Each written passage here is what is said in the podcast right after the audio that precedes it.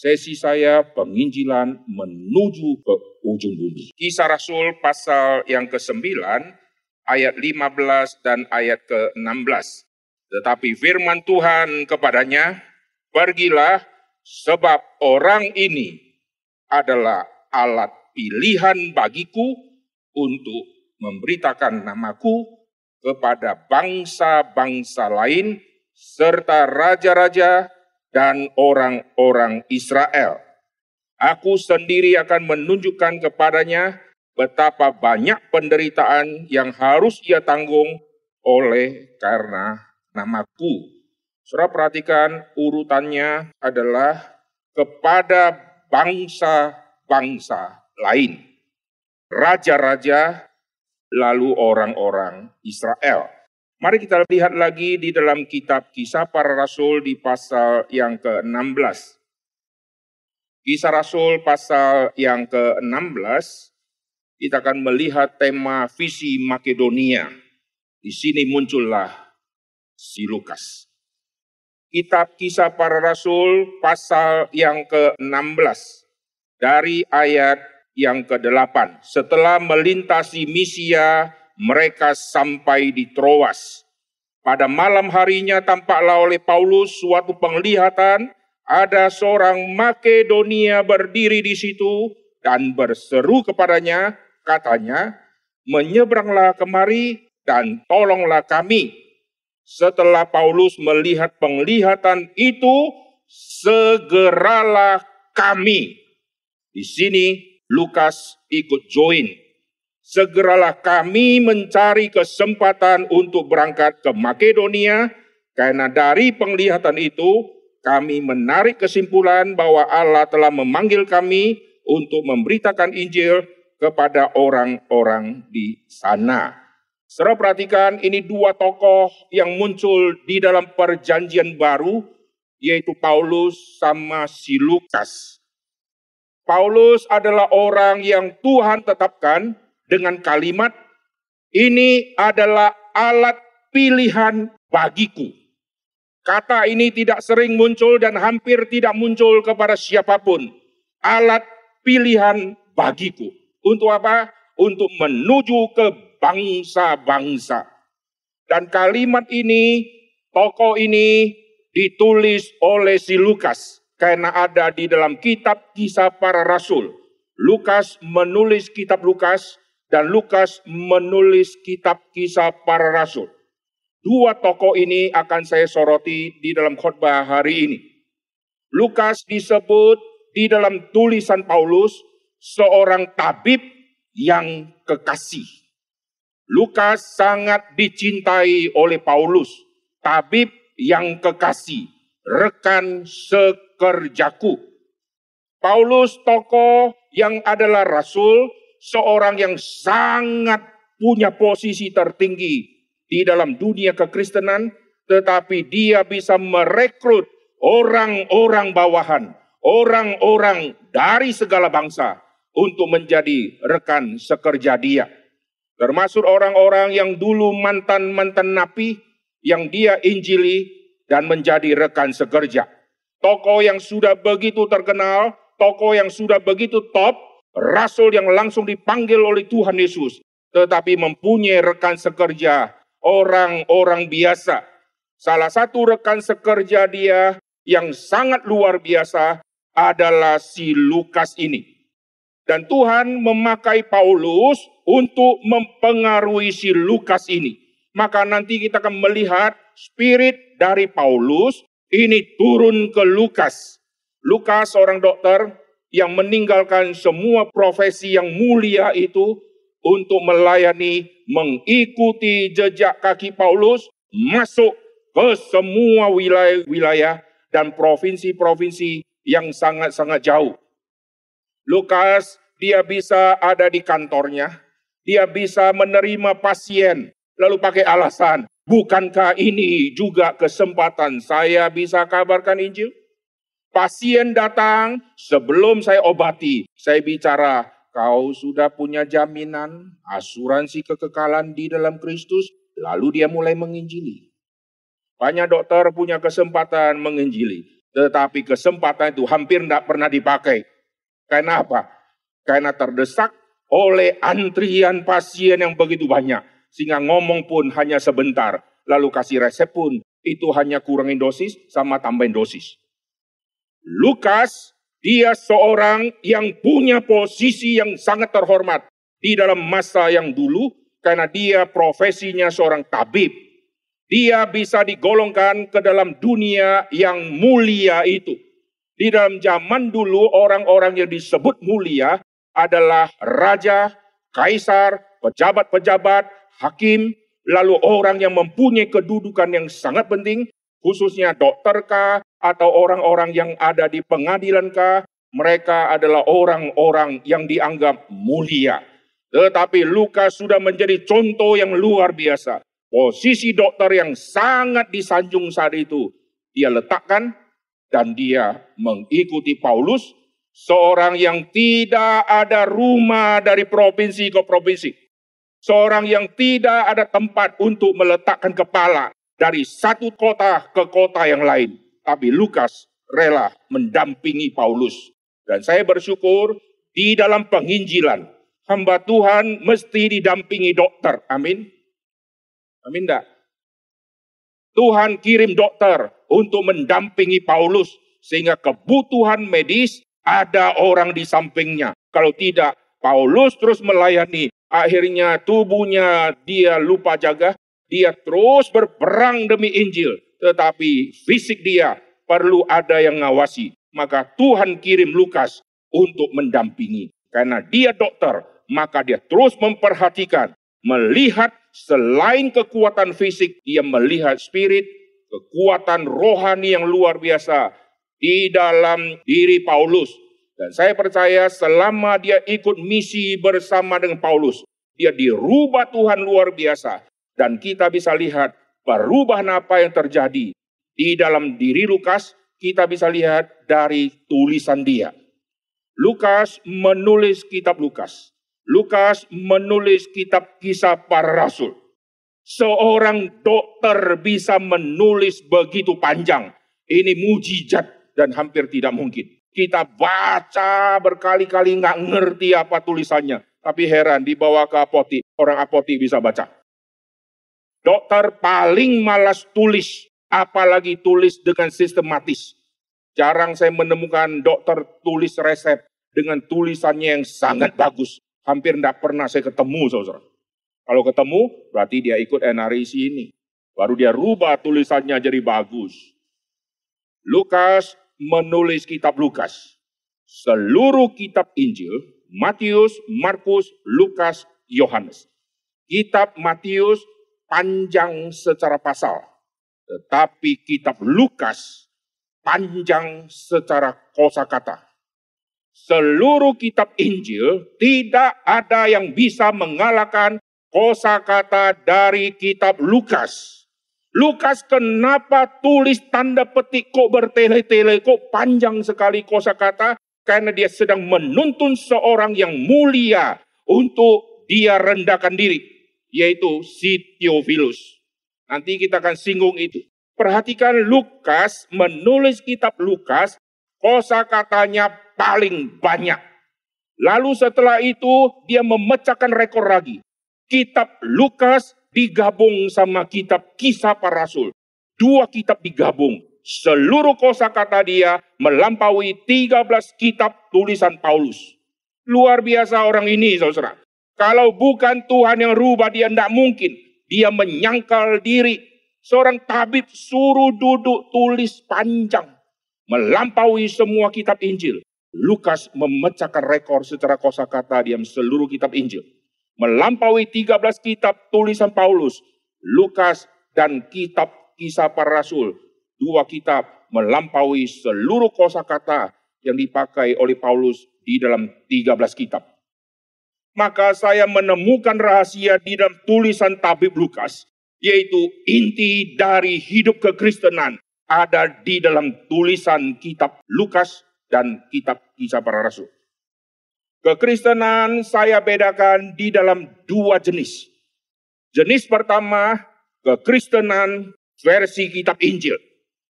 Jenis kedua, kekristenan versi kitab Injil dan kisah Rasul. Apa maksudnya kekristenan versi kitab Injil? Bicara Yohanes Pembaptis, saya tahu. Bicara Yesus lahir, saya sering Natal. Bicara Yesus mati, saya sering Jumat Agung. Bicara Yesus bangkit, saya sering ikut perayaan Paskah di gereja. Lalu bicara Yesus naik ke sorga, saya ikut kehadiran pada saat acara gereja kenaikan Tuhan Yesus. Itu orang Kristen kitab Injil. Seluruh kitab Injil dicatat mulai Yohanes Pembaptis diakhiri dengan Yesus naik ke sorga. Maka tidak heran orang Kristen sudah jadi Kristen, hanya bersyukur Yesus sudah menang. Yesus sekarang duduk di sebelah kanan Allah Bapa karena kekristenan versi kitab Injil. Tapi Lukas tidak berhenti di kitab Lukas. Lukas melanjutkan kitab kisah para rasul. Jangan berhenti di naik ke sorga. Karena kitab kisah para rasul akan melanjutkan what next setelah naik ke surga. Maka akan ada Pentakosta, akan ada penganiayaan, akan ada Injil tersebar sampai ke ujung bumi. Inilah kekristenan versi kedua, kekristenan versi kitab Injil dan kitab kisah para rasul. Saudara Kristen yang kitab Injil kah? Atau Kristen yang kitab Injil dan kisah para rasul. Kebanyakan hanya berhenti di kitab Injil. Bertahun-tahun melayani versi kitab Injil. Kenapa melayani? Karena Yesus lahir bagiku, mati bagiku, menang menghapus dosaku. Yesus sudah naik ke sorga, berhenti sampai naik ke sorga. Saudara perhatikan, waktu Yesus naik ke sorga, Lukas mencatat dengan begitu tajam. Hanya Lukas yang catat. Mari kita lihat apa yang beda dari Lukas. Perhatikan Lukas pasal yang terakhir. Waktu dia mencatat kenaikan Tuhan Yesus ke sorga. Lukas pasal ke-24, sebelum naik ke sorga, lihat di ayat ke-39. Lihatlah tanganku dan kakiku. Tangan dan kaki. Ini tangan bolong dan kaki bolong tangan dan kakiku. Saya sangat terharu dengan kata ini karena kata ini akan berlanjut di kenaikan Tuhan Yesus. Perhatikan ayat ke-50. Lalu Yesus membawa mereka keluar kota sampai dekat Betania. Di situ ia mengangkat tangan yang bolong itu, saudara. Dan dia terangkat Berarti kakinya bisa dilihat oleh orang-orang pada waktu itu. Kaki yang tadi bolong, tangan yang tadi bolong. Posisi Yesus sedang memberkati. Artinya apa? Berkat di dalam penderitaan. Yesus tidak sembuhkan luka di bolong tangan. Dengan luka bolong yang tadi ditunjukkan dengan tangan yang sama. Yesus naik ke sorga, disaksikan oleh para murid dengan kaki yang sama yang bolong disaksikan oleh para murid dengan tangan yang diangkat lalu memberkati mereka. Berarti jangan berhenti di kitab Injil karena berkat dengan tangan yang bolong harus dimengerti di dalam kitab kisah para rasul. Karena nanti penganiayaan yang akan terjadi yang begitu mengerikan. Kita kembali melihat si Lukas yang dirubah Tuhan. Lukas waktu menulis kitab Lukas, dia tujukan kepada Theophilus yang mulia. Mari kita lihat di dalam Lukas pasal yang pertama. Lukas pasal pertama ayat pertama sebetulnya di dalam bahasa asli tidak ada kata Theophilus yang mulia di situ.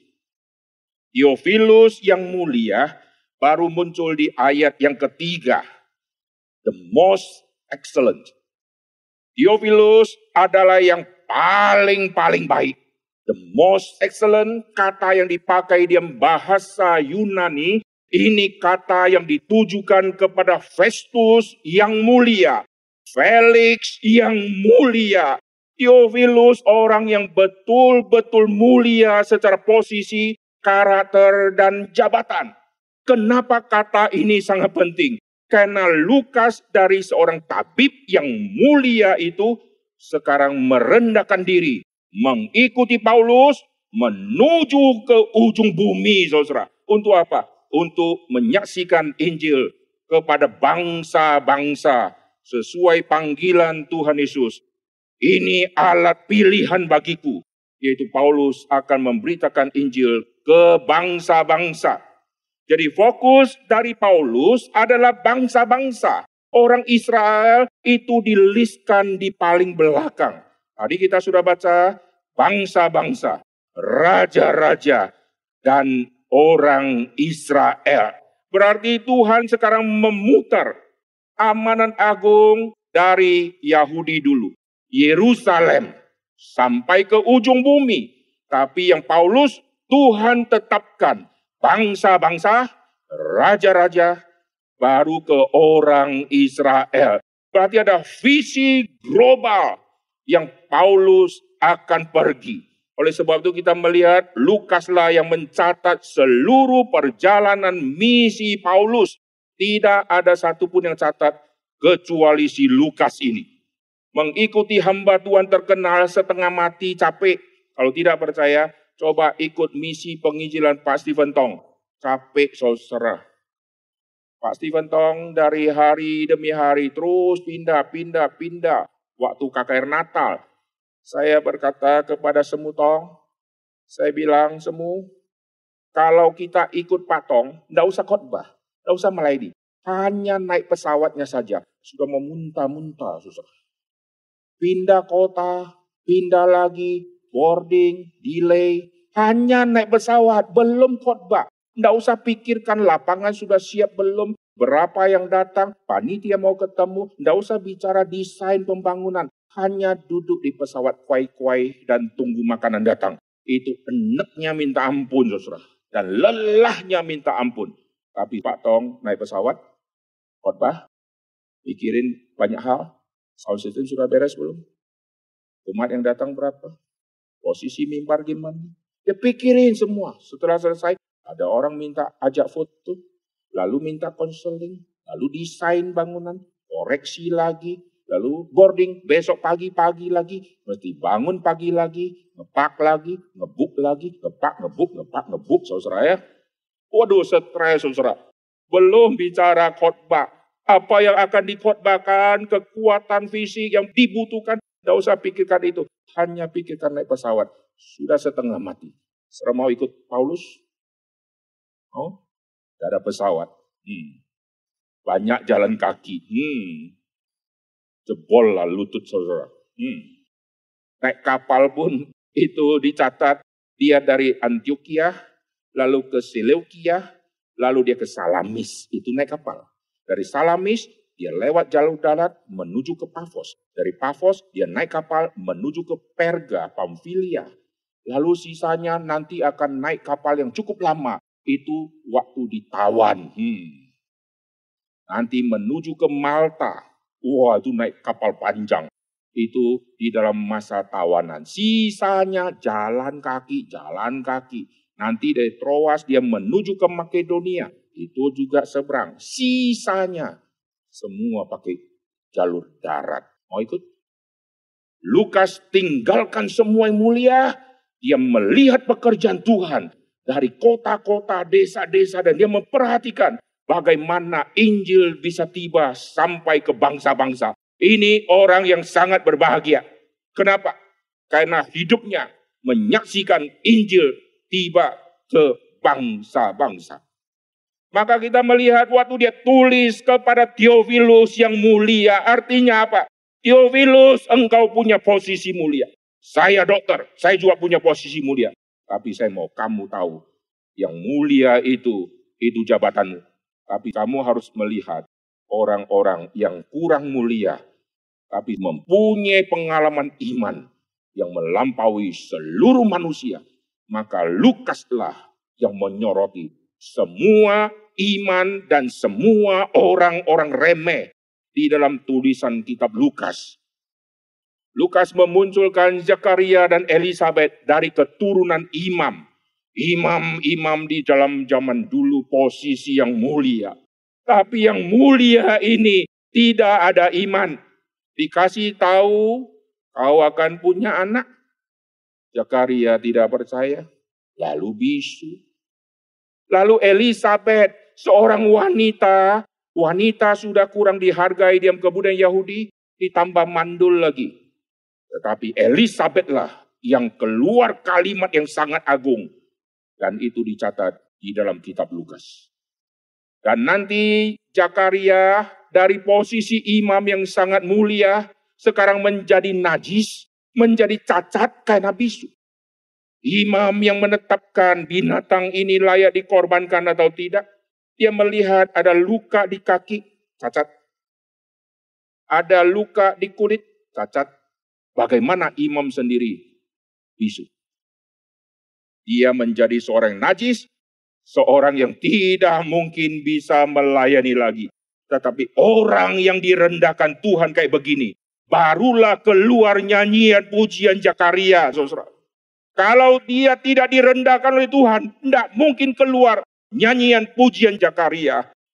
Di dalam nyanyian pujian Jakaria, Jakaria orang pertama di dalam seluruh kitab suci yang menemukan Yesaya 40. Itu bicara tentang anaknya.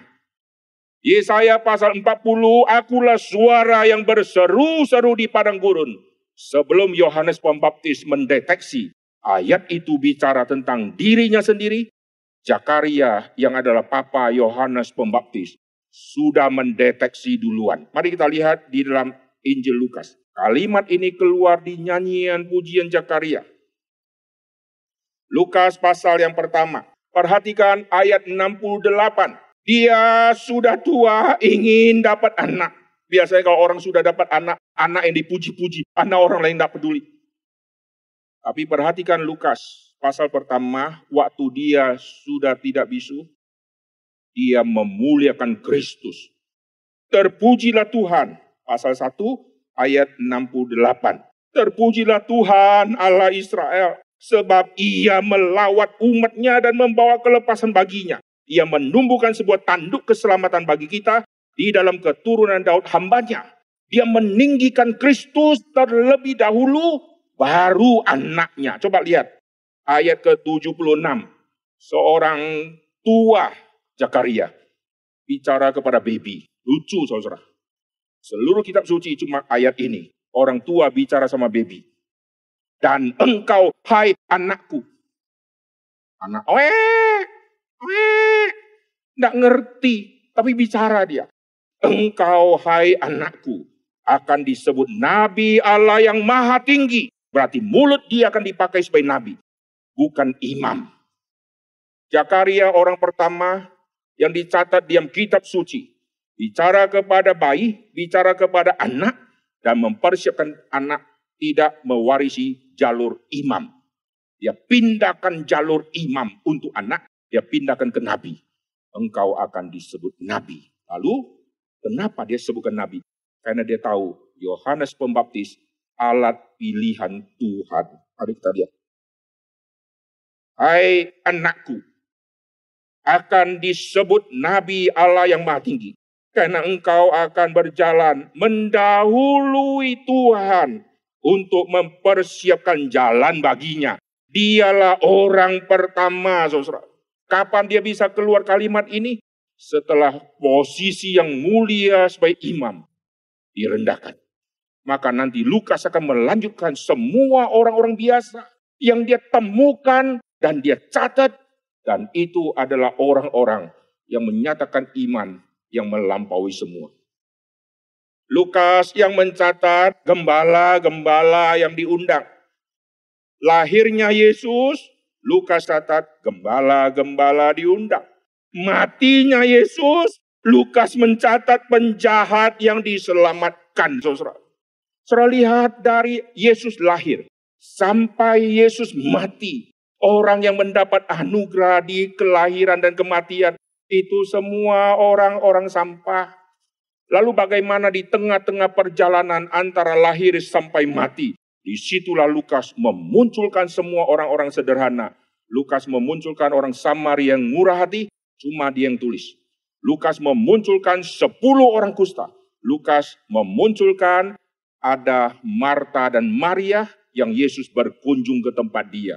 Lukas memunculkan Maria Magdalena yang dirasuk tujuh roh jahat lalu melayani Tuhan Yesus. Perempuan-perempuan melayani rombongan mereka dengan kekayaan mereka. Hanya Lukas yang tulis.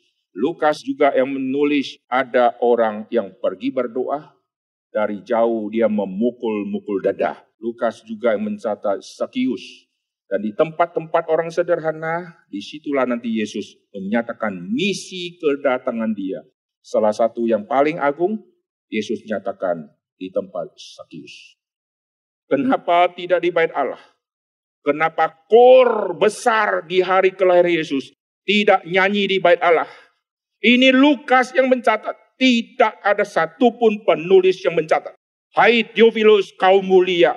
Kau harus perhatikan seluruh kerendahan hati Tuhan Yesus dan bagaimana Yesus merubah orang-orang sederhana dan bagaimana orang-orang sederhana menyatakan iman yang luar biasa kepada Tuhan Yesus. Maka nanti kisah para rasul Theophilus tidak disebut lagi yang mulia. Theophilus hanya disebut kata Theophilus. Saya percaya kitab Injil ini merubah si Theophilus yang mulia. Mari kita lihat di kitab kisah para rasul. Kitab kisah para rasul pasal yang pertama ayat 1. Hai Theophilus, tidak ada lagi yang mulia saudara. Kenapa dia kurang ajar di sini? Di dalam persidangan, suruh panggil hakim mesti tidak boleh lupa dilanjutkan yang mulia. Baik, yang mulia. Sampai enak dengarnya pada korupsi. Yang mulia, yang mulia.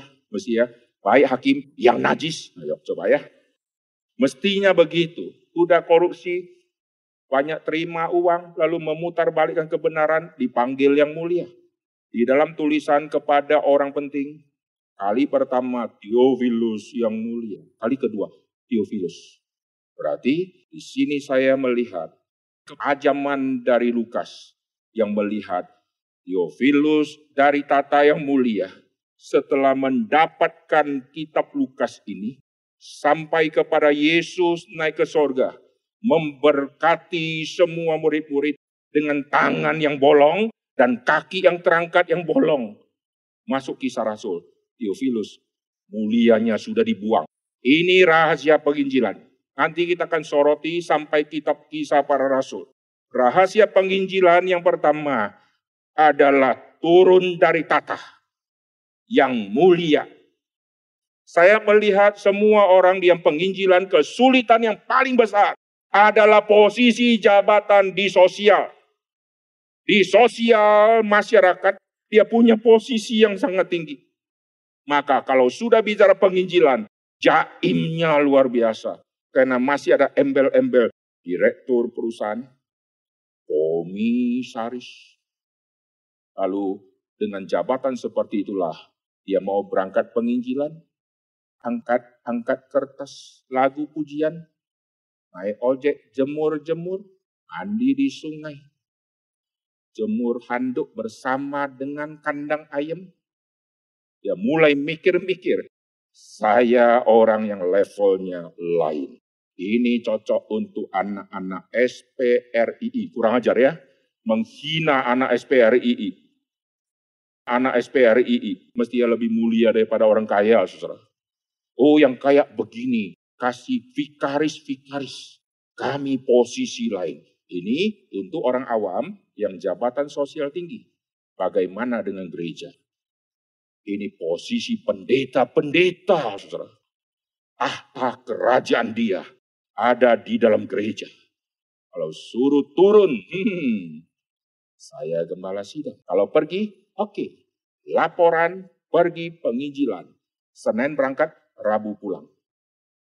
Berangkat nginap di mana? Di kota, di hotel. Kalau ada kamar yang besar, pasti hamba Tuhan yang ditaruh di sana. Dan ada hamba Tuhan yang begitu tiba, hotel tidak ada air panas. Langsung marah, minta segera dipindahkan. Susah. Lalu hari khotbah, besok saya sesi di mana? Majelis-majelis atau vikaris ini Pak. SMP Negeri 1, 1.500 orang. Oke, saya naik apa ke sana? Nanti ada mobil jemput Bapak. Lalu khotbah-khotbah berapa sesi, besok khotbah satu sesi, siangnya pulang. Tidak garap, tapi datang menjadi pembicara tamu. Karena orang-orang yang sudah atur semua. Mobil diaturin, semua diaturin. Dia tidak mau turun tata. Tidak mau turun sampai ke bawah-bawah. Lalu mencari orang, lobby, lalu merekrut tim, antar tim, latih mereka, bawa mereka, temenin mereka. Itu hampir tidak dikerjakan. Di dalam dunia sosial, saya direktur. Itu hambatan besar.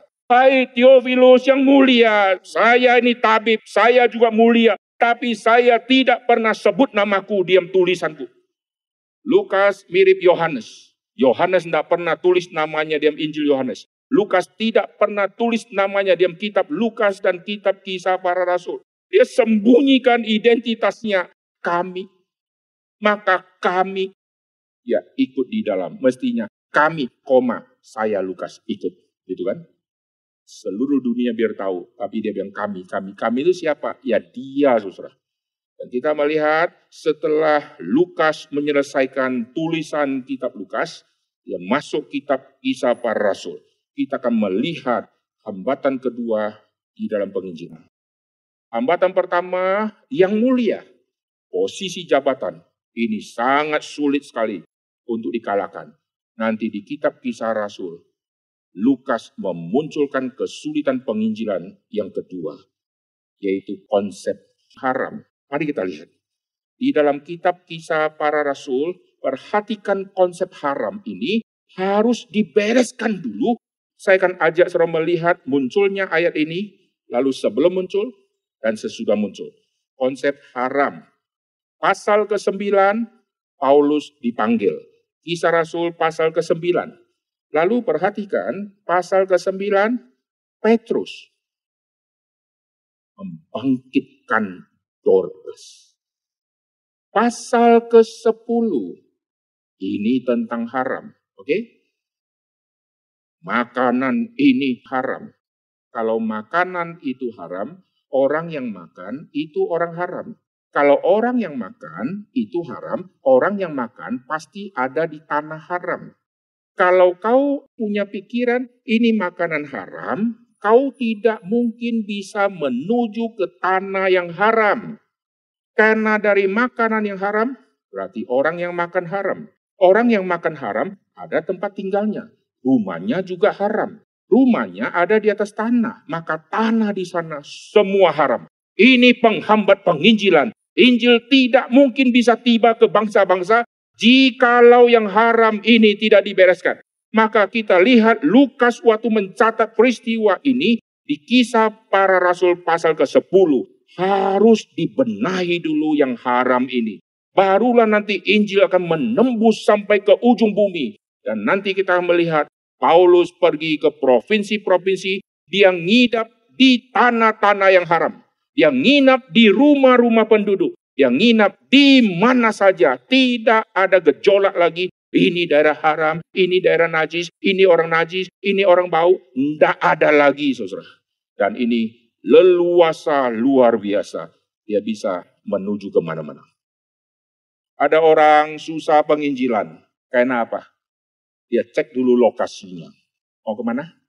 Papua. Papua yang Jayapura, Manokwari, atau pegunungan Arfak atau di tempat yang aroma terapi, saudara. Wih, di tempat itu, mulai dia cari-cari berita, ada pembunuhan TNI. Ah, ini dia. Pada itu tiga tahun yang lalu, saudara. Wih, ngeri. Daerah sana rawan, masih rawan. Pada tiga tahun yang lalu, ada pesawat jatuh 15 tahun yang lalu. Dia angkat semua yang horor-horor. Untuk apa? Untuk dia tidak pergi. Kenapa? Karena masuk ke rumah penduduk, aromanya lain.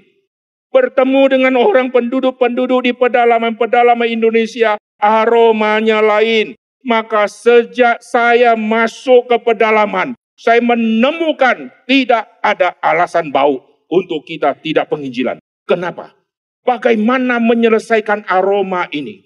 Tuhan sudah selesaikan ini sebelum manusia tahu. Sejak kau lahir, sejak kau dewasa, sampai kau tua. Tuhan sudah kasih jawabannya. Ada di mana?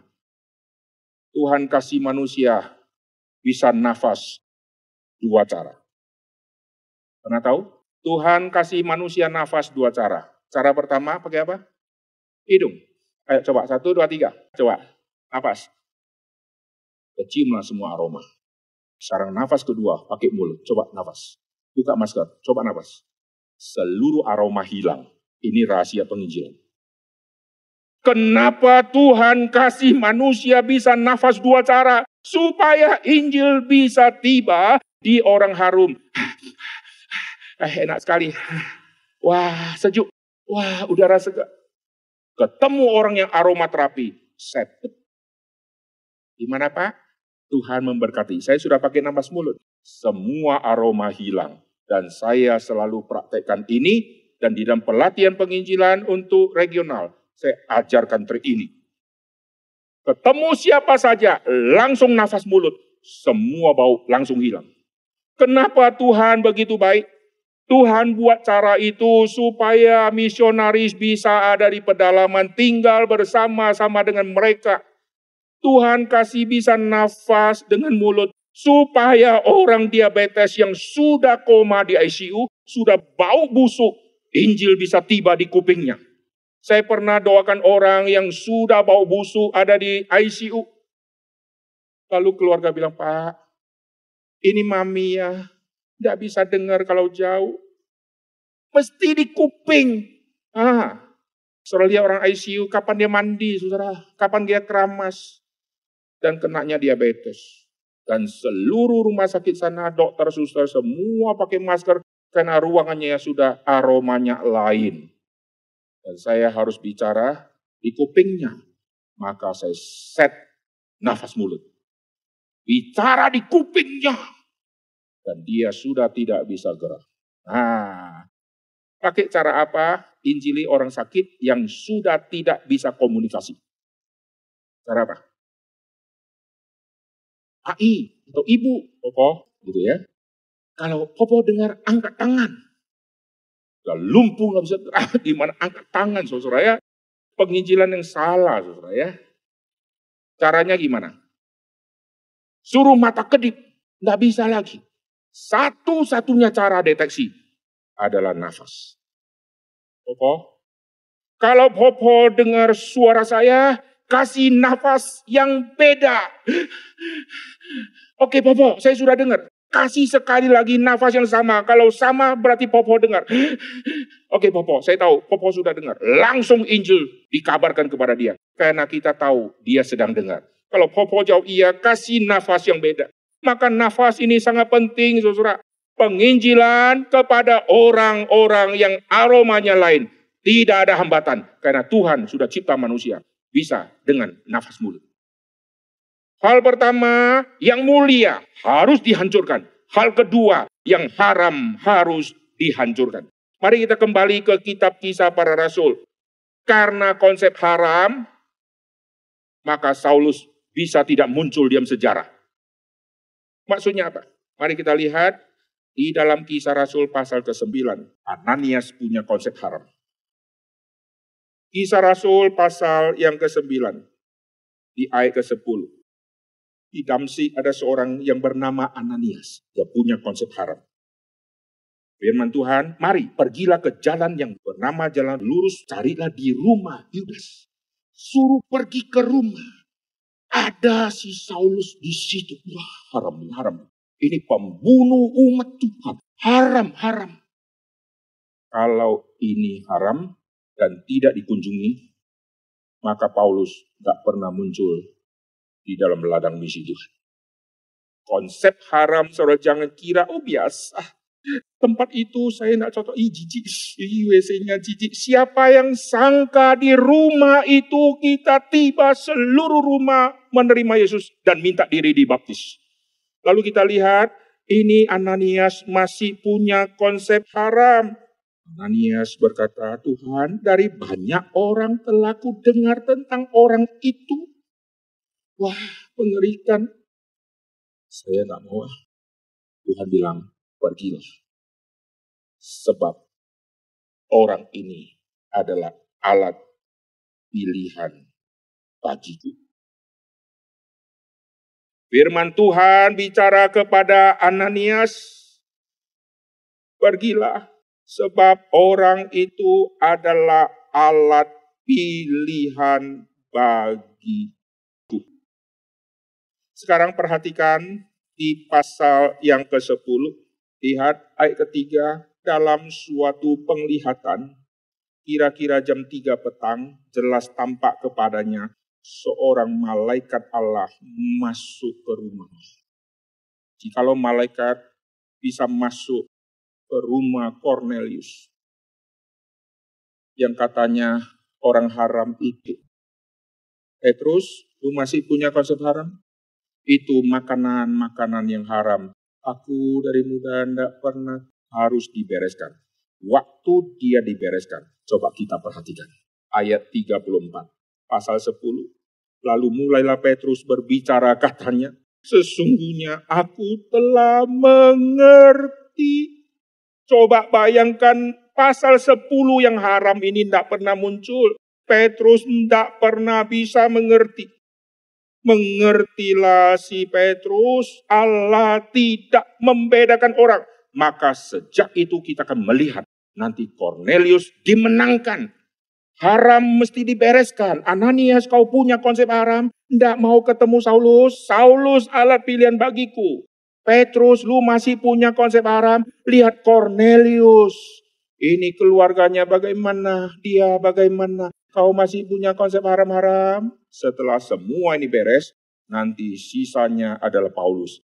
Yang akan menuju ke bangsa-bangsa. Yang terakhir adalah visi Makedonia Wah saya senang sekali.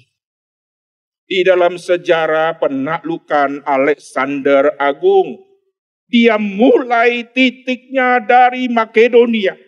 Dari Makedonia dia menggempur. Kalau saya pakai istilah barat dan timur, pakai dua istilah saja, utara selatan kita anggap barat dan timur saja. Dari wilayah Makedonia itu titik poskonya, dia akan menggempur ke wilayah timur sampai menuju ke India, sampai menuju ke Mesir. Kekuasaan dia begitu luar biasa. Di mana ada tanah, dia pengen jelajah, pengen taklukkan semua. Dari Makedonia. Tetapi waktu Injil tiba kepada si Paulus, visi Makedonia. Waduh saya senang sekali. Perhatikan pakai barat dan timur.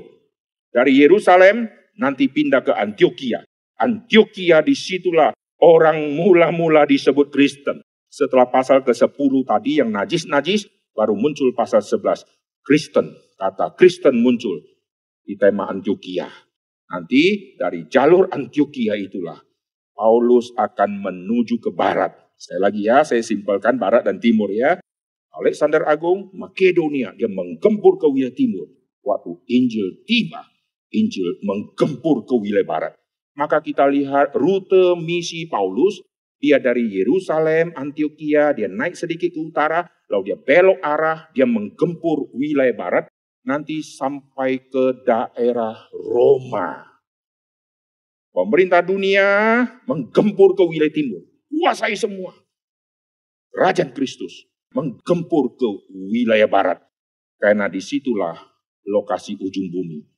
Maka Paulus ingin ke Spanyol. Spanyol daerah sana. Paulus ingin ke Spanyol. Spanyol di PL itulah Tarsis. Dia ingin ke sana. Saudara. Saudara perhatikan Injil kalau sudah tiba. Orang yang sudah dirubah oleh Tuhan akan menuju ke tempat yang sangat jauh untuk menuju ke sana. Dua hal yang mesti dibereskan. Yang mulia sama yang haram. Banyak orang masih punya konsep haram, haram ini, haram ini. Beda kasur nggak bisa tidur, beda guling nggak bisa tidur. Wah cilaka, saudara. Puji Tuhan sampai hari ini, tidak ada yang haram bagiku. Saya bisa ada di mana saja. Dan puji Tuhan, saya bisa nafas mulut. Puji Tuhan, ada dua napas. Pulang NRIC, latihan napas mulut. Napas mulut biasanya dilatih waktu di kolam renang. Tapi tidak ada kata-kata percuma di rumah aja. Tapi ngomong, anak sini, pakai nafas mulut, latihan di rumah. Kalau sudah mahir, kalian bisa injili ke semua aroma. Puji Tuhan, mari kita berdoa. Bapak di surga kami berterima kasih Tuhan sudah memberkati setiap kami. Kami berterima kasih Tuhan membakar kami. Tuhan memberikan kami kesempatan untuk kami bisa melihat bagaimana Tuhan bekerja di dalam zaman Paulus ke bangsa-bangsa lain, di dalam zaman kami di seluruh tanah air, bahkan kami bisa melihat pelayan Pak Tong di seluruh dunia bagaimana Injil bisa tiba. Tetapi banyak yang sudah mengetahui, tetapi tidak terlibat. Tuhan ampuni kami. Tuhan bangkitkanlah umat-umat Tuhan sekali lagi untuk terjun di dalam ladang misi Tuhan. Kerajaan Tuhan harus ditegakkan di bumi dan umat-umat kerajaan, anak-anak kerajaan harus pergi bersaksi membawa berita Injil. Kami berterima kasih untuk orang-orang yang pernah dilayani. Kami berdoa untuk orang-orang yang belum dan yang akan dilayani. Tuhan bangkitkanlah generasi di tempat ini untuk menjadi pejuang-pejuang pekabar-pekabar Injil yang akan menuju ke segala bangsa. Dalam nama Tuhan Yesus kami berdoa. Amin.